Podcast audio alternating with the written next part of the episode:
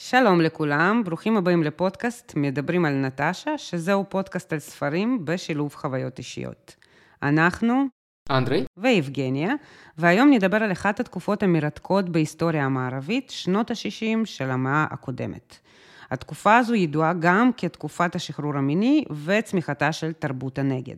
ננסה להבין, כמובן באמצעות הספרים שקראנו, מה משותף בין ילדי הפרחים שמתחברים לטבע ומפזרים אהבה, להקת The Beatles האגדית שכבשה את העולם, וצ'ארלס מנסון, מנהיג הכת האכזרי שאחראי לרצח של שחקנית צעירה וחבריה בלב הוליווד.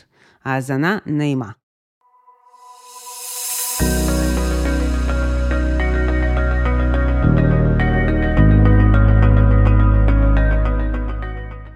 אז הספר שאני קראתי אה, נקרא אה, הבחורות, The Girls באנגלית, הספר של אה, אמה קליין, וממה שאני מבין ויודע, הספר הזה מבוסס על מקרה רצח שקרה בשנות ה-60. עד כמה שאני מבינה, מדובר במקרה די נוראי שקרה ב-1969. שבו מישהו בשם צ'ארלס מנסון, שהוא היה מנהיג כת אכזרי, רצח ביחד עם uh, כמה חסידות שלו, וגם היו שם גם, גם גברים ביניהם. הם רצחו שחקנית uh, מאוד מפורסמת בשם שרון טייט, שהיא הייתה גם אישה של רומן פולנסקי, והייתה בחודש תשיעי במקרה הרצח, הם פשוט נכנסו לבית שלה, ורצחו אותה ואת כל מי שהיה שם בצורה אכזרית. אז, אה, אז אני מבינה שהספר שלך בעצם מבוסס על זה, והוא מספר על אה, חיי קומונה, ובעצם איך אתה יכול להיכנס לכת הזה ולמצוא את עצמך בתוך הכת הזה, נכון? כן, אז הספר אה, מושפע מאוד חזק מהסיפור של קומונה של צ'ארלס מנסון. בעצם אפשר להגיד שרוב הסיפור הוא סוג של אה, מתלבש על האירועים שכבר אה, דיברנו עליהם מקודם. אה, וזה בעצם סיפור מהמבט של ילדה בגיל התבגרות, שמספר על איך היא בעצם נכנסת לקומונה הזאת, ומה גורם לה להיכנס לשם. ומה היא חווה בעקבות זאת, בעקבות זאת, וכמובן ש... גם שם יש איזשהו מקרה של רצח שגם מאוד מאוד מזכיר את המקרה של אה, אה, צ'ארלס מנסון. אז מה באמת אה, גורם לילדה צעירה, אפשר להגיד נערה, כן? היא בערך בת 14-15, משהו כזה, נכון? 16-17. אוקיי, אז מה באמת גורם למישהי בגיל כל כך צעיר להצטרף לקומונה? אז כל מיני סיבות, וחושב שאולי אפילו עדיף שניקח כמה צעדים אחורה ובכלל נדבר על התקופה שמדובר עליה. שמדובר בשנות ה-60 בעצם? כן, כי כנראה שאי אפשר להבין איך בכלל דבר כזה יכול לקרות בלי להבין את הרקע ההיסטורי בעצם, נכון? אז רקע היסטורי, כדי להבין את שנות ה-60 נלך טיפה אחורה, לשנות ה-50. אמ, אז בעצם מדובר בדור אה, שהורים שלהם נלחמו במלחמה, והם בעצם, הדור הצעיר כבר נולד אה, ל... אה, לתקופה שאין בה כל כך בעיות. מעמד הביניים מתחזק, תרבות הצריכה עולה בדרגה, ילדים האלה אה, הדור הזה של הילדים האלה גרים אה, כבר בשפע. אה, זאת אומרת, אין להם בעיות מיוחדות. ואז בעצם מה שמתחיל זו איזושהי תנועה הפוכה. אותם ילדים שלא צריכים לדאוג לכלום, שיכולים להגיע ולקבל השכלה גבוהה, שיש להם אוכל, שהם ילדים של מעמד הביניים, פתאום מתחילים להבין לאט לאט שהם לא רוצים את העולם הזה. הם לא רוצים את העולם הישן, הוא משעמם אותם, הם לא רוצים אורח חיים בורגני, זה משעמם אותם, זה לא מעניין, זה לא לוקח אותם לשום דבר, והם רוצים לעשות משהו חדש ומשהו אחר. אבל משהו חדש ומשהו אחר הזה הוא אפילו לא בהכרח, אה, אי אפשר להגדיר אותו בהכרח. עכשיו, כשהתכוננו לפודקאסט הזה, אז שמענו על תרבות האיפי, איזושהי אמירה מעניינת, שהרבה יותר קל להגדיר איפי באמצעות מילה לא. כלומר, מה הייתה האידיאולוגיה של היפי? זה לא למשפחה רגילה מונוגמית, לא לאורח חיים בורגנים, לא לאוניברסיטה, לא לשום דבר שהוא בעצם מייצג את העולם הישן. אבל מה מייצג את העולם החדש? מהי המילה כן שנמצאת באידיאולוגיה הזאת? מאוד קשה להבין. זה בעצם איזשהו רעיון אמורפי וגלובלי של חופש, אה, אהבה, פיזור אהבה, שכל אחד יכול לעשות מה שהוא רוצה, ושבעצם אין לך איזושהי מטרה ספציפית בחיים. כלומר, אם אנחנו מסתכלים על ההורים שלהם, שהם ילדי מלחמה בדרך כלל, הם הלכו ולמדו ונדרשו לעבוד ועבדו מאוד מאוד קשה בשביל לבנות איזשהם חיים. ופתאום לילדים שלהם, שקיבלו את כל זה, אפשר להגיד, על המגש של כסף ויחסית בחינם, לא רוצים את זה בכלל, ופשוט עוזבים את זה, ואין להם שום דבר מוגדר ושום רעיון מוגדר. ואז ככה למעשה אה, מתחילה תנועה שנקראת איפיז, או ילדי הפרחים, שבתחילת שנות ה-60 אנחנו מדברים על אה, הרבה אנשים צעירים, פחות או יותר בגילאי 20. אז מה היו המאפיינים העיקריים של איפיז? אז קודם כל, בדרך כלל אה, זה היו אנשים צעירים, כמו שאמרת, שהתחילו או למדו כבר באוניברסיטה. אה, בעיקר אה, לבנים, אה, מקימים קומונות שבהם הם חיים כולם ביחד ומקיימים יחסי מין כולם ביחד, זאת אומרת, זה מערכות יחסים לא מונוגמיות, הם גם עושים סמים פסיכודליים שתופסים תאוצה מאוד חזקה בארצות הברית באותה תקופה. ובנוסף, עוד, עוד עניין שהם לא עובדים בעצם. כלומר, אין להם כל כך מקורות פרנסה. עכשיו, אז איך באמת מתקיימים? אז קודם כל, היה די מקובל שקומונה אחת יכלה לבוא לקומונה אחרת ולאכול ביחד. כלומר, היו הרבה מתנדבים. הם גם, נגיד, לפעמים עבדו בעבודות מזדמנות, בשביל להרוויח קצת כסף, ואז למעשה לחזור לחופש ולחיים ללא מעש. אה, ואפילו היו גם אה, מקבצים נדבות, או לפעמים מנגנים על אה, גיטרות או כלי נגינה ברחוב, וככה מרוויחים כסף. אבל כסף באופן כללי לא הייתה המטרה שלהם, הם גם באופן יחסית מוגדר יצאו נגד תרבות הצריכה וקפיטליזם, ובגלל זה גם תנועה של ילדי הפרחים נקראת בין היתר תרבות הנגד, כלומר נגד כל מה שהיה, בין אם כלכלי, בין אם חברתי, בין אם בין אישי. משהו חדש לגמרי. אפשר להגיד שזה נגד כל מה שההורים שלהם האמינו בו. נכון, ועוד איזשהו עניין זה המראה שלהם בעצם. גם המראה שלהם היה מאוד אה, מחתרתי, נכון, לאותה תקופה. אה, לרוב היו לכולם שיער ארוך, גם לגברים וגם לנשים. הם התלבשו בבגדים צבעוניים, ג'ינס, בגדים מאוד לא פורמליים, אבל באיזשהו שלב זה כבר נהיה כל כך נפוץ וברור, ממש סימן היכר של היפיס, שאנשים בכל מקום ידעו שהנה היפיס באים, ילדי הפרחים באים, כי פשוט אפשר היה מאוד בקלות לזהות אותם לפי הלבוש שלהם. ועוד אולי צריך להסביר מה זה חיים בקומונות קצת. אז אה, מה זה בעצם חיים בקומונות? אז לפחות לפי איך שזה מתואר בספר שאני קראתי, אה, זה בעצם, הקומונה זה איזשהו מקום נידח אה, שבו יש מזל אם יש להם אפילו חשמל, בדרך כלל אפילו זה אין להם. הם חיים כולם ביחד בעוני ברמה מאוד גבוהה. ובעצם חיים כאלה אה, הם היו אה, יותר יתרון לגברים כמובן, זאת אומרת, קודם כל בקומונות האלה היו יותר נשים צעירות וקצת גברים, אה, וגם בדרך כלל גבר או כמה גברים היו אלה שהיו בראש של קומונה הזאת. ולגבי זה יש איזושהי גם כן פרט מאוד מעניין, באותה תקופה מעבר לאיפיס מתפתחות גם הרבה תנועות חברתיות נוספות. אז למשל פמיניסטיות, שגם צוברות תאוצה אה, באופן, באופן כללי גם בארצות הברית וגם אה, באירופה, חלקן יוצאות נגד חיים בקומונה, כי הן אומרות שזה בעצם משרת את הגבר. וגם עוד עניין, כמובן, כשמקיימים יחסי מין חופשיים, אז נולדים גם ילדים. והרבה פעמים אותם הילדים הם היו הופכים להיות ילדי קומונות, כלומר לא הייתה משפחה רגילה, כן, עם אבא ואימא, כי כמובן שהם אה, התנגדו לזה, אז הילדים הם פשוט היו סוג של ילדים במשותף, אה, שזה גם כן אה, כמובן יצר לא מעט בעיות שאי אפשר לחשוב עליהן, אבל בנוסף היה גם עוד איזשהו מאפיין מאוד משמעותי של היפיז, זה בעצם מוזיקה.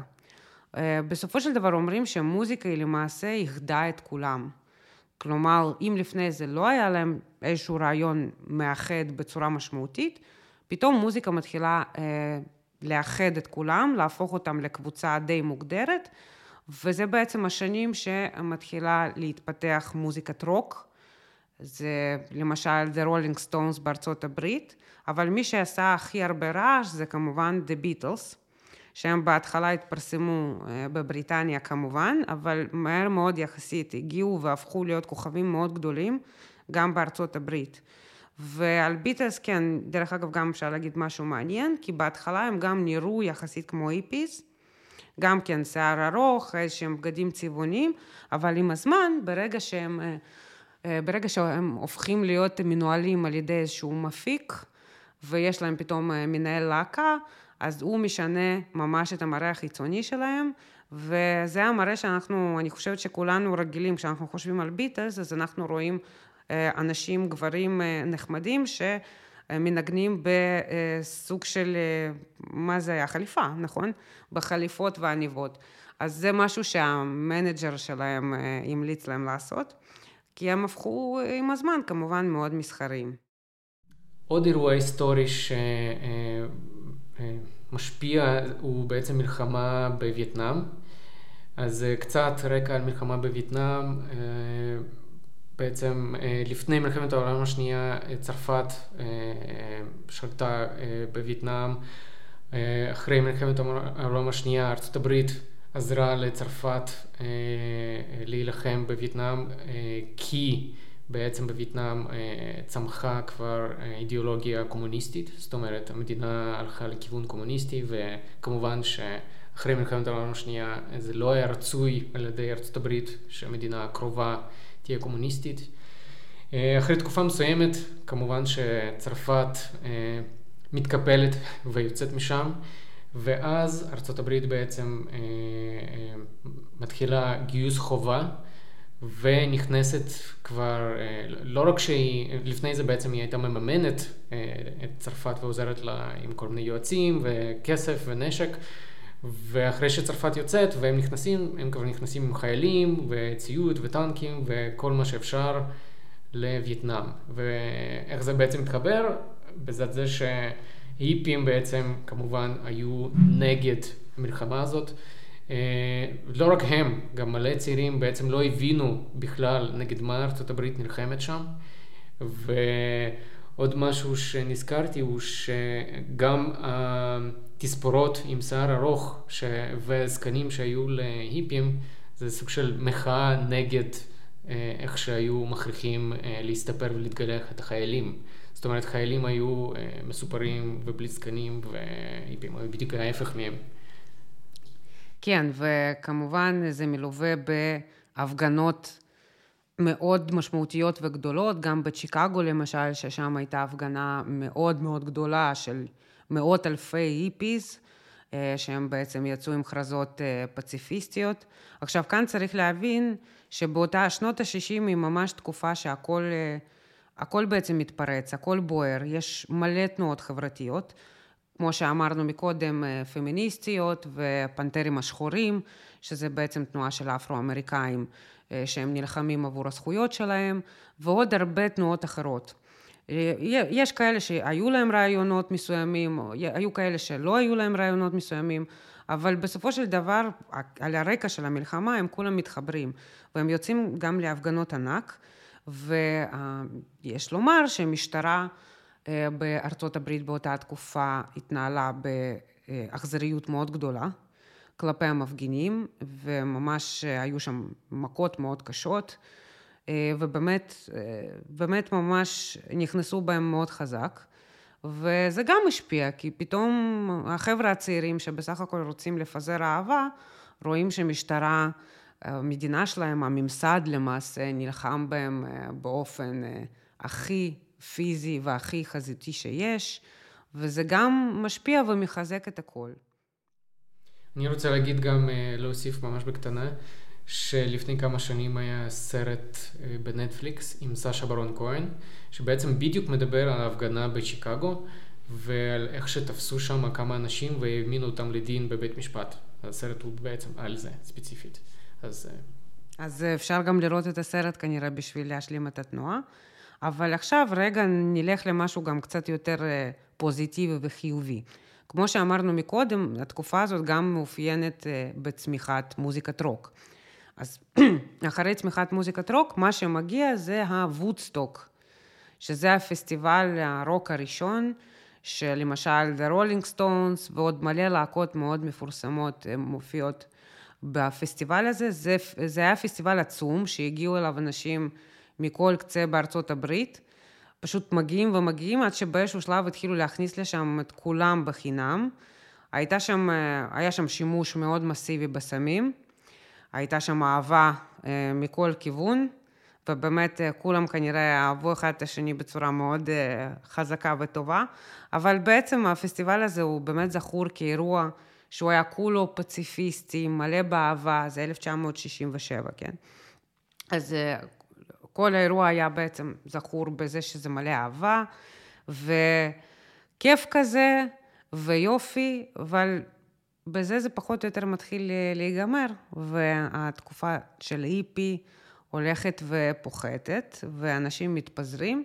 קצת קשה להבין בעצם מה קרה, אז ולמה זה, פתאום תנועה שהייתה כל כך חזקה התחילה להתפזר, אבל הסברה אומרת שהיא התחילה להתפזר כי פשוט אותם אנשים שהם היו בני 20 בתחילת שנות ה-60, הם פתאום בני 30, ולהרבה מהם כבר יש ילדים, ואין מה לעשות, אי אפשר לחיות כנראה בטבע ולפזר אהבה, צריך גם לפרנס את הילדים, והרבה מאוד אנשים מתחילים לחזור בעצם לממסד.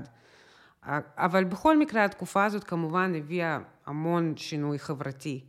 והמון הבנה שאפשר לחיות אחרת, שיש חופש, שחרור מיני, שאפשר לצאת נגד קפיטליזם ואפשר לצאת נגד ממסד.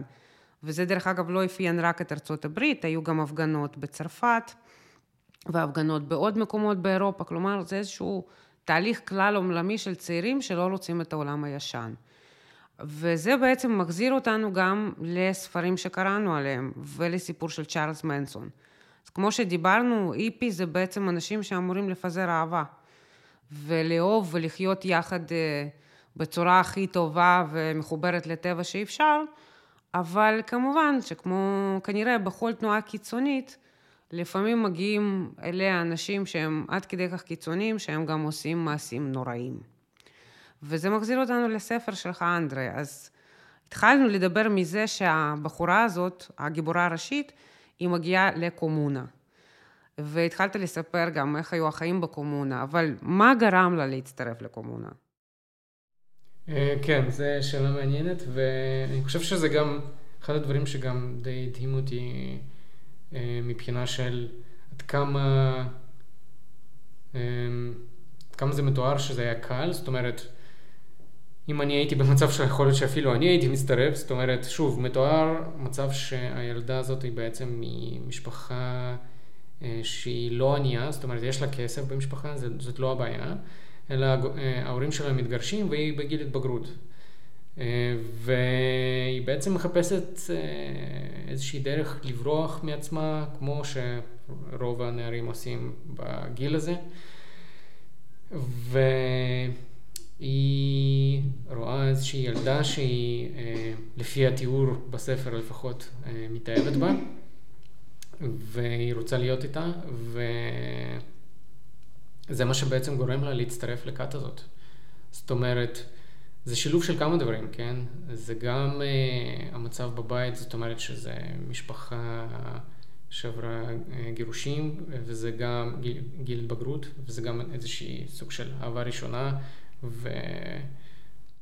ואני מניחה שזה גם האווירה הכללית, כן? כי זה סיפור שמתרחש בספר בשנות ה-60, והאווירה הכללית הוא חיים חופשיים בקומונה ודרך אלטרנטיבית לחיים עצמם, אז אני מניחה שזה מאוד הושפע גם מהסביבה, שאתה רואה את זה, שמלא אנשים עושים את זה, אז כנראה שאתה שואל פחות שאלות והרבה יותר קל לך להצטרף למשהו כזה.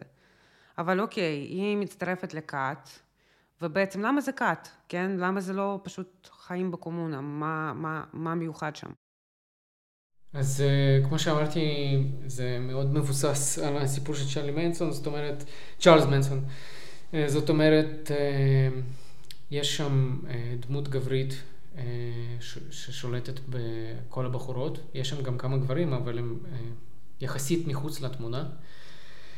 אה, הגבר שבעצם אה, אחראי על הקומונה הזאת, אה, אפשר להגיד שהוא סוג של מנצל אותם, זאת אומרת, גם כמו שצ'אנס מנסון, הוא גם הדמות הזאת בספר, הוא מנסה להקליט איזשהו שיר, הוא חושב שהוא זמר על, אבל בעצם הוא בכלל לא. הוא מכיר מישהו שהוא נמצא בתעשייה והוא יחסית מוכר, ומנסה דרכו לקדם את הקריירה שלו בשירה. אבל כמובן שזה לא הולך לו, ואז בעזרת הקומונה שלו הוא מתחיל לעשות... אה, בהתחלה הוא גורם לכמה בחורות מהקומונה לשכב עם הבחור הזה, ש, שדרכו הוא ניסה אה, להתפרסם. כשהוא רואה שזה לא, אה, לא עוזר לו, אז הוא שולח לשם אה, בחורות מהקומונה שלו כדי שיעשו משהו יותר נוראי. והיותר נוראי הזה זה בעצם רצח. וזה בעצם מחזיר אותנו לסיפור אמיתי, שעומד כנראה, מה זה כנראה? שעומד בוודאות בבסיס הספר, כן? אני גם קראתי ספר, אבל ספר אחר לגמרי. כלומר, זה ספר שנכתב על ידי התובע המשטרתי, שהוא גם היה מאוד מאוד פעיל בחקירה של, אה, של צ'ארלס מנסון והמעשים שלו והמעשים של המשפחה שלו, כי באיזשהו שלב צ'ארלס מנסון היה קורא לקומונה שלו המשפחה של מנסון. זה היה ממש הכינוי של הכת. אה, אז התובע המשטרתי הזה, הוא כתב ספר בעצם על כל מה שהוא ראה, על כל מה שהוא חקר ועל ההליך המשפט של צ'ארלס מנסון. ספר אה, מאוד ארוך, אה, בעצם אני הקשבתי לספר הזה, זה לקח לי 23 שעות הקשבה, ואני חייבת להגיד שאני לא בטוחה שהייתי ממליצה לקרוא את זה, כי זה ספר שהוא מלא בפרטים, אמ, פרטים מאוד קטנים, מסופר שם על כל ראייה וראייה. ואיך המשטרה מצאה ראייה, ואיך היא קישרה אותה לבן אדם כזה או אחר מהקומונה, ובאיזה סדר דיברו עם עדים, ואיך הגיעו העדים. כלומר, זה מלא בפרטים נורא טכניים של חקירה משטרתית.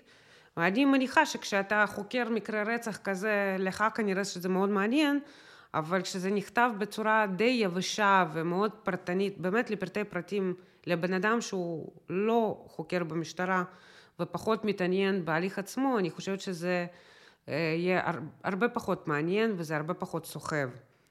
אבל בעצם לא אמרתי מי כתב את הספר, אז אותו התובע המשטרתי, השם שלו זה וינסנט בוגליוזי, והספר נכתב ב-1974. עכשיו, החלק שהוא כן מעניין בספר, שהוא די מספר על צ'ארלס מנסון. עכשיו, התובע המשטרתי הזה, הוא חקר על צ'ארלס מנסון, הוא גם אה, חקר אותו, על דוח... חקר אותו במהלך המשפט, הוא, כלומר ממש אפשר להגיד הכיר אותו, הכיר אותו יחסית לעומק, ובאמת ידע כל פרט על החיים שלו. אז הוא מספר על החיים שלו בצורה מאוד אה, פרטנית ומדויקת.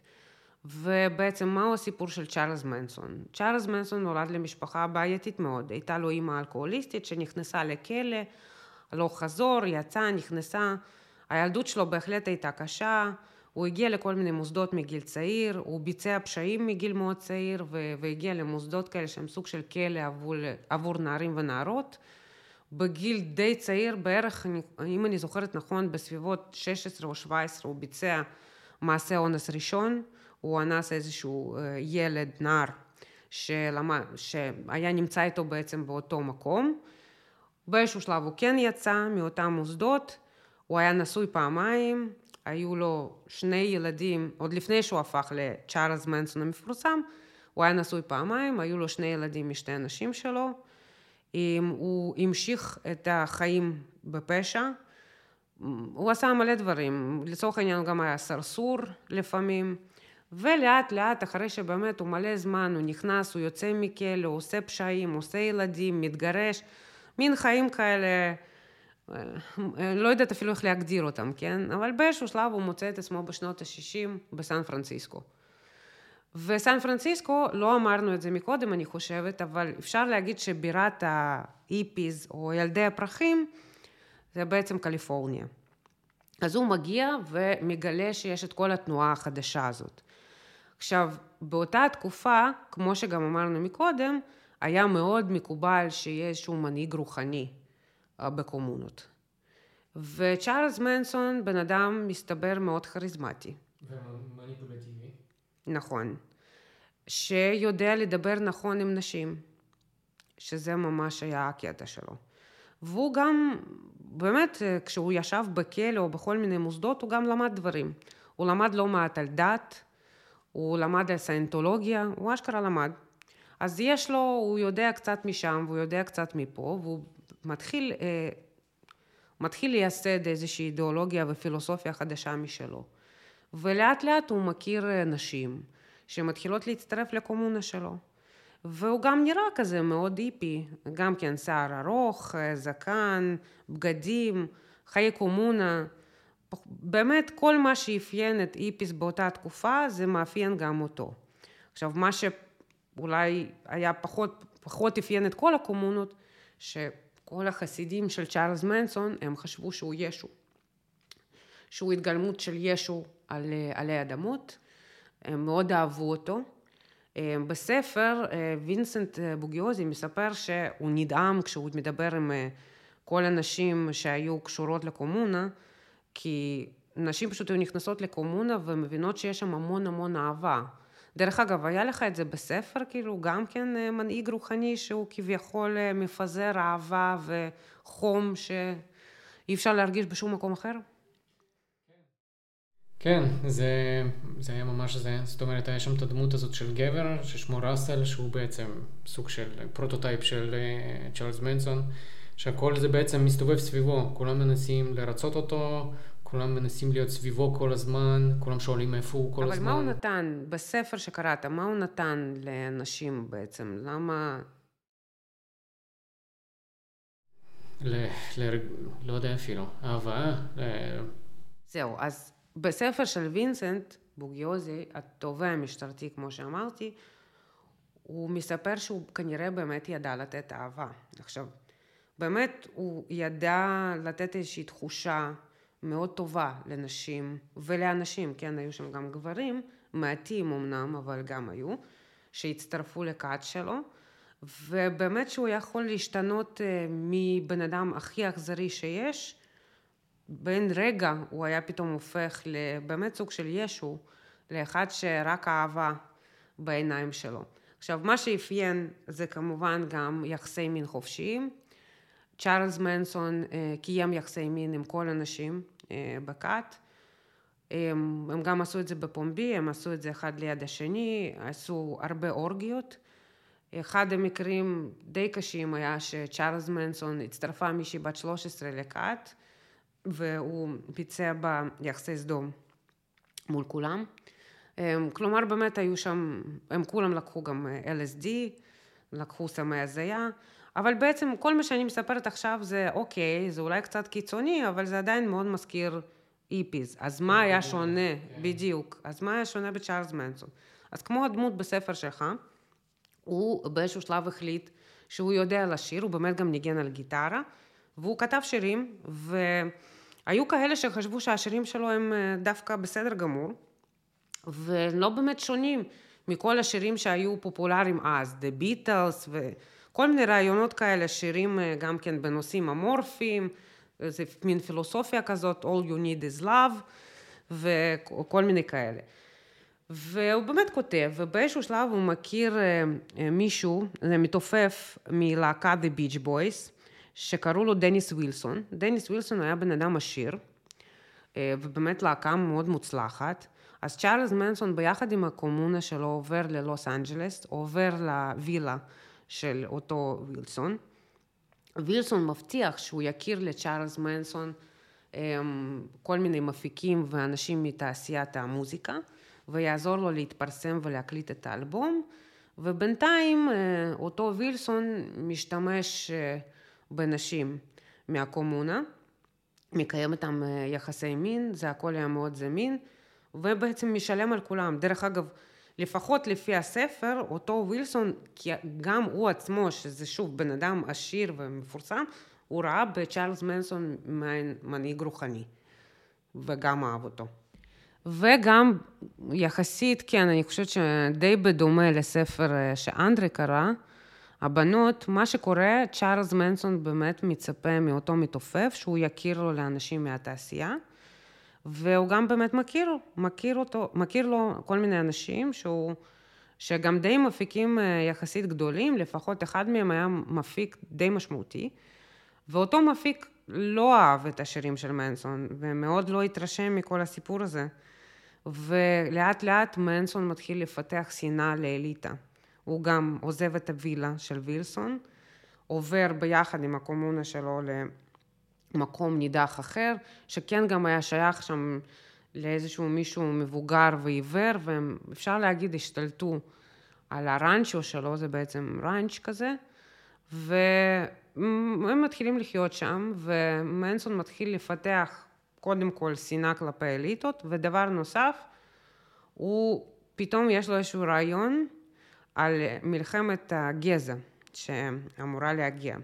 כי יש, כן, כן, זה, אני, אתם פשוט לא רואים את הפרצוף של אנדרה עכשיו, אבל זה ממש, זה ממש כזה, מלחמת הגזע. עכשיו, מה זה אומר? זה איזושהי מלחמה אפוקוליפטית. הרעיון שלו היה כזה, מנסון די שנא אנשים שחורים, הוא היה גזען, והוא אמר, אבל שאנשים שחורים היו תחת השליטה של הלבנים במשך יותר מדי זמן, ועכשיו ההיסטוריה, הגורל, הרק, הכל צריך להביא לזה שהמצב הזה צריך להשתנות. ותהיה מלחמה בין לבנים לשחורים, השחורים ינצחו במלחמה הזאת, בינתיים מנסון ביחד עם הקומונה שלו יישב באיזשהו מקום נידח ויחכה לתוצאות המלחמה, ואחרי שהשחורים ינצחו, הם עדיין, הם לא יודעים באמת מה לעשות עם הניצחון הזה, כי לפי, ה, לפי איך שהוא תפס אותם, הם היו אנשים שלא באמת יודעים לעשות שום דבר חוץ מלעבוד בשביל הלבנים. אז הם יבואו לצ'ארלס מנסון, כן, אני יודעת, זה נשמע מצחיק, אבל כאילו, אנשים אשכרה, אשכרה האמינו בזה מאוד. אז הם יבואו לצ'ארלס מנסון, השחורים שניצחו, ויבקשו את עזרתו, וככה הוא יצא עם הקומונה ויתחילו בעצם, יתחיל עידן חדש, יתחילו חיים חדשים. והוא כל הזמן אמר לחסידים שלו בקומונה, שהנה עוד שנייה יהיו פה מלא רציחות ובעצם תתחיל המלחמה הזאת. אבל הרציחות לא הגיעו, כאילו שום דבר לא קרה. ואז פתאום למנסון יש רעיון מנצח. וזה הסיפור של רצח של שרון טייט. אז בעצם צ'ארל, צ'ארלס מנסון שולח כמה מהחסידים שלו, אה, שמתוכם היו כמה בחורות ולפחות גבר אחד, אם לא יותר. אה, שולח אותם לאחד הבניינים אה, שבהם פעם לפחות היה גר אחד האנשים האלה שניסו בעצם לקדם את השירים שלו. ושוב, לא ידוע עד הסוף האם הם הגיעו לשם בגלל סיבה הזאת, או בגלל שהם היו נגד אליטות, כמו שאמרת לפני זה, אבל הם מגיעים לבית הזה, ושרון טייט כבר הייתה גרה שם, וכמו שאמרנו בהתחלה, הייתה בהיריון, אבל זה לא עצר אותם. אז הם אה, רצחו אותה וגם את החברים שלה. רק נזכיר פה ששרון טייט, אמרנו את זה בהתחלה, אבל נראה לי שכן צריך להזכיר, היא הייתה שחקנית, שחקנית הוליוודית שהתפרסמה כבר באותה תקופה ושיחקה בכמה סרטים. היא הייתה אישה של במאי מאוד מפורסם, רומן פולנסקי, שהוא חי עד היום, והחברים שלה הם גם היו אנשים שחלקם כן היו קשורים לתעשייה בדרך כזו או אחרת, אבל אלה היו גם אנשי אליטות כאלה, חברים עם כסף, לבנים פריבילגיים, איך שמקובל לקרוא להם. כן, בעצם אחרי הרצח הזה אה, עדיין לא תפסו אותם והם רצחו עוד כמה אנשים ותפסו אותם אחרי כמה חודשים אם אני לא טועה. ואפילו בבית משפט אחרי זה אף אחד מהם לא הביע חרטה בנושא של רצח שהם עשו. ופה דרך אגב, זה נגיד החלק שכן היה מעניין בספר של אה, התובע המשטרתי, כי החלק שכן מספר על המשפט של צ'ארלס מנסון, הוא, הוא די מרתק, כי אנחנו רואים שאנשים שביצעו את הרצח בהנחיה של צ'ארלס מנסון, בחלק מהמקרים הוא כן היה נוכח ועשה את זה בעצמו, אבל אצל שרון טייט למשל, הוא לא היה בבית הזה, הם ביצעו את זה בהנחיה שלו, הם המשיכו לשמור עליו, הם בעצם, הם ניסו עדיין לקדם את האג'נדה הזאת שהוא ישו, ובאמת שהייתה שם אמונה די עיוורת ופסיכית, אפשר להגיד, ואני מצטערת שאני משתמשת במילה הזאת, אבל קשה לתאר את זה אחרת. באותו צ'ארלס מנסון. בעצם מה שקרה ומה שעזר לתביעה, שאחת מהבנות שכן הגיעה לבית של שרון טייט, היא לא השתתפה, לפחות לפי העדות, היא לא השתתפה ברצח, היא עמדה בחוץ, היא ראיתה את מה שהם עשו, היא הזדעזעה ממש, היא לא חשבה שזה מה שהולך לקרות, היא שיתפה פעולה עם התביעה, אה, בתמורה לשיתוף פעולה, שיתפה פעולה באופן מלא וסיפרה הכל. בתמורה לזה היא השתחררה בעצם, היא לא נכנסה לכלא אה, ולא, כאילו לא קיבלה שום הרשעה, אבל לפחות וינסנט, התובע המשטרתי, אומר שהוא היה די בטוח שהיא הייתה משתתף, משתפת פעולה עם המשטרה גם במקרה אחר, גם אם אה, הם לא היו משחררים אותה בתמורה לזה, גם אם היא כן הייתה נכנסת לכלא, ההתרשמות שלו הייתה שהיא פשוט מאוד רצתה לספר והיא כן רצתה לשתף, והיא דווקא כן הביעה חרטה, ואולי העניין שהיה שם, היא הייתה אימא לילדה קטנה, אה, הילדה הזאת גם הייתה בקומונה, וכנראה איכשהו כשהיא ראיתה גם אה, רצח של אישה בחודש תשיעי, וגם אותה אישה, דרך אגב, שרון טייט, לפי עדויות, היא ממש ביקשה ש... שהם ירחמו עליה, והיא כאילו בכתה, והיא ביקשה שישחררו אותה, ואמרה שהיא בהיריון, והיא ביקשה לא להרוג אותה כי היא בהיריון. באמת, התיאור של הרצח הוא מזעזע מבחינת האכזריות שבה הוא בוצע. ובעצם מה שהתחלתי להגיד, שאותה עדות ואותו שיתוף פעולה מאחת נשות הקומונה, הוא זה שעזר לתביעה להרשיע את מנסון ולהכניס אותו לכלא. כי מסתבר שזה היה מאוד קשה. היה מאוד קשה להסביר איך בכלל, אין שום סיבה, כמו שאמרת אנדרי, אין שום סיבה, למה? היה מאוד קשה לקשור אותו בעצם, למעשה, כאילו, מה, מה אין, אין לך שום סיבה, אין שום מניע אמיתי.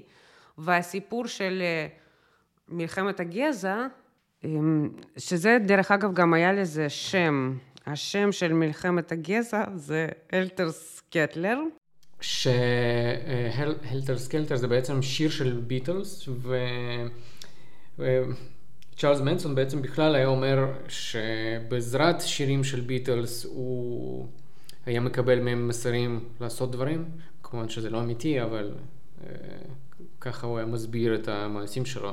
ואחרי שתופסים את אה, צ'ארלס מנסון,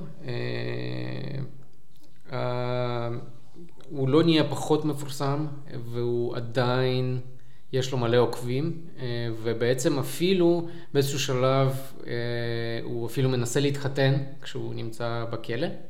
ולסיכום על אה, צ'ארלס מנסון, אני רוצה להגיד, לדבר על העונש שהוא קיבל, זאת אומרת בהתחלה הוא קיבל גזר דין מוות, אבל אחר כך החליפו לו את העונש למאסר עולם, ובעצם הוא נפטר רק לא מזמן, אמ, כן, אז מה שיוצא, אני חושבת שזה קצת אה, עצוב ומעניין, אבל איכשהו דווקא, דווקא אידיאולוגיה של איפיז, של חופש ואהבה, היא בין היתר זו שמולידה דמות כמו צ'ארלס מנסון, אז אה, כנראה זה איזשהו דיון פילוסופי שאתה לא יכול, כל אידיאולוגיה, כמה שהיא תהיה חמה ולבבית, כנראה שתמיד יבוא מישהו שינסה, שינסה לנצל אותה לטובתה, ו, ופשוט פשוט ינצל אנשים שמאמינים במשהו שהוא בסופו של דבר טוב, כי אותן נשים שנכנסו לכת של צ'ארלס מנסון, וגם גברים, הם במקור לפחות, הם לא, הם לא היו אנשים רעים, הם לא, לא היו פושעים. הם, כן, חלקן באמת באו ממצב סוציו-אקונומי לא משהו, אבל בין מצב סוציו-אקונומי לא משהו ועד לרצח אכזרי, דרך מאוד ארוכה. וזה שבאמצעות אהבה הוא הצליח להביא אנשים לזה, זה עצוב, ובעיקר אני חושבת שזה זה מסקרן, וזה רק אומר שזה מאוד קל ליפול, ליפול קורבן של מישהו שהוא כל כך כריזמטי, שמישהו שהוא תואם את רוח התקופה, ואתה לא שם לב, והופך להיות לאחד העוקבים שלו. אז נראה לי שזה נושא נפרד שאפשר לדבר עליו כמובן המון, אבל אה, בואי נסכם, אני חושבת, בזה שקראנו ספרים, שאני קראתי ספר שבעצם נכתב על ידי בן אדם אמיתי, על אירוע אמיתי, על משהו שאותו בן אדם עצמו היה שותף מלא, התובע המשטרתי, ואתה דווקא קראת ספר שהוא מבוסס על איזשהו אירוע היסטורי. זה יצא ממש לא מזמן. ומשהו שאפשר להגיד שכנראה, מה זה כנראה? יש אירועים היסטוריים שהם מהווים מקור להשראה במשך הרבה מאוד שנים. כי הספר שלך, תזכיר לי מתי הספר יצא? 2016, אם אני לא טועה. הנה, כלומר, אנחנו הרבה אחרי שנות ה-60, וגם הסופרת נולדה ב-1989, נכון? ועדיין, כאילו, אפשר להסתכל אחורה ולקבל השראה מאירועים שאירעו לפני הרבה זמן. אז דבר אחרון, לסיכום, אני רוצה שנדבר על אה, למי והאם בכלל אנחנו ממליצים לקרוא את הספרים שקראנו.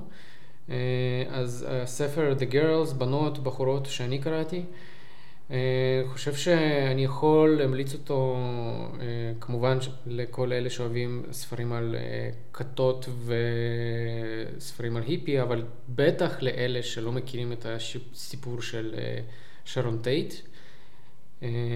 נכתב בשפה מאוד קלה והספר מאוד מעניין. באמת סיימתי אותו ממש מהר כי היה לי ממש מעניין לקרוא אותו. וכמו שאני חושבת שאמרתי את זה מקודם, אבל הספר שלי הוא, אני חושבת שהוא די קשוח, והחלק הראשון שלו הרבה פחות מעניין והרבה פחות סוחב, כי הוא מלא בפרטים על חקירה משטרתית, ובאמת סיפורים על כל ראייה וראייה, כלומר איך קיבלו אותה, איך חקרו אותה, איך הפכו אותה לראייה אמיתית שאפשר להשתמש בה במשפט. אני חושבת שלאנשים שאולי אה, מתעסקים במשפט פלילי, זה כן יכול להיות מעניין, אבל אה, לקהל הרחב אני לא בטוחה. החלק השני של הספר, שהוא יותר מספר כבר על צ'ארלס מנסון עצמו, על אה, נשים שהיו בקומונה שלו, על אנשים ספציפיים שעשו את הרצח, וגם על אנשים שנפלו קורבנות אה, ברצח הזה. זה כמובן החלק שהוא יותר מעניין. ושוב, זה ספר גם מאוד, מאוד גדול, בהקשבה, זה 23 שעות. אז רק למי שאני חושבת, או באמת ממש מתעניין בסיפור של צ'ארלס מנסון, או במי שמתלהב ואוהב ועוסק אולי במשפט פלילי. אז בזה אנחנו יכולים לסיים את הפרק. אה, תודה שהקשבת לנו.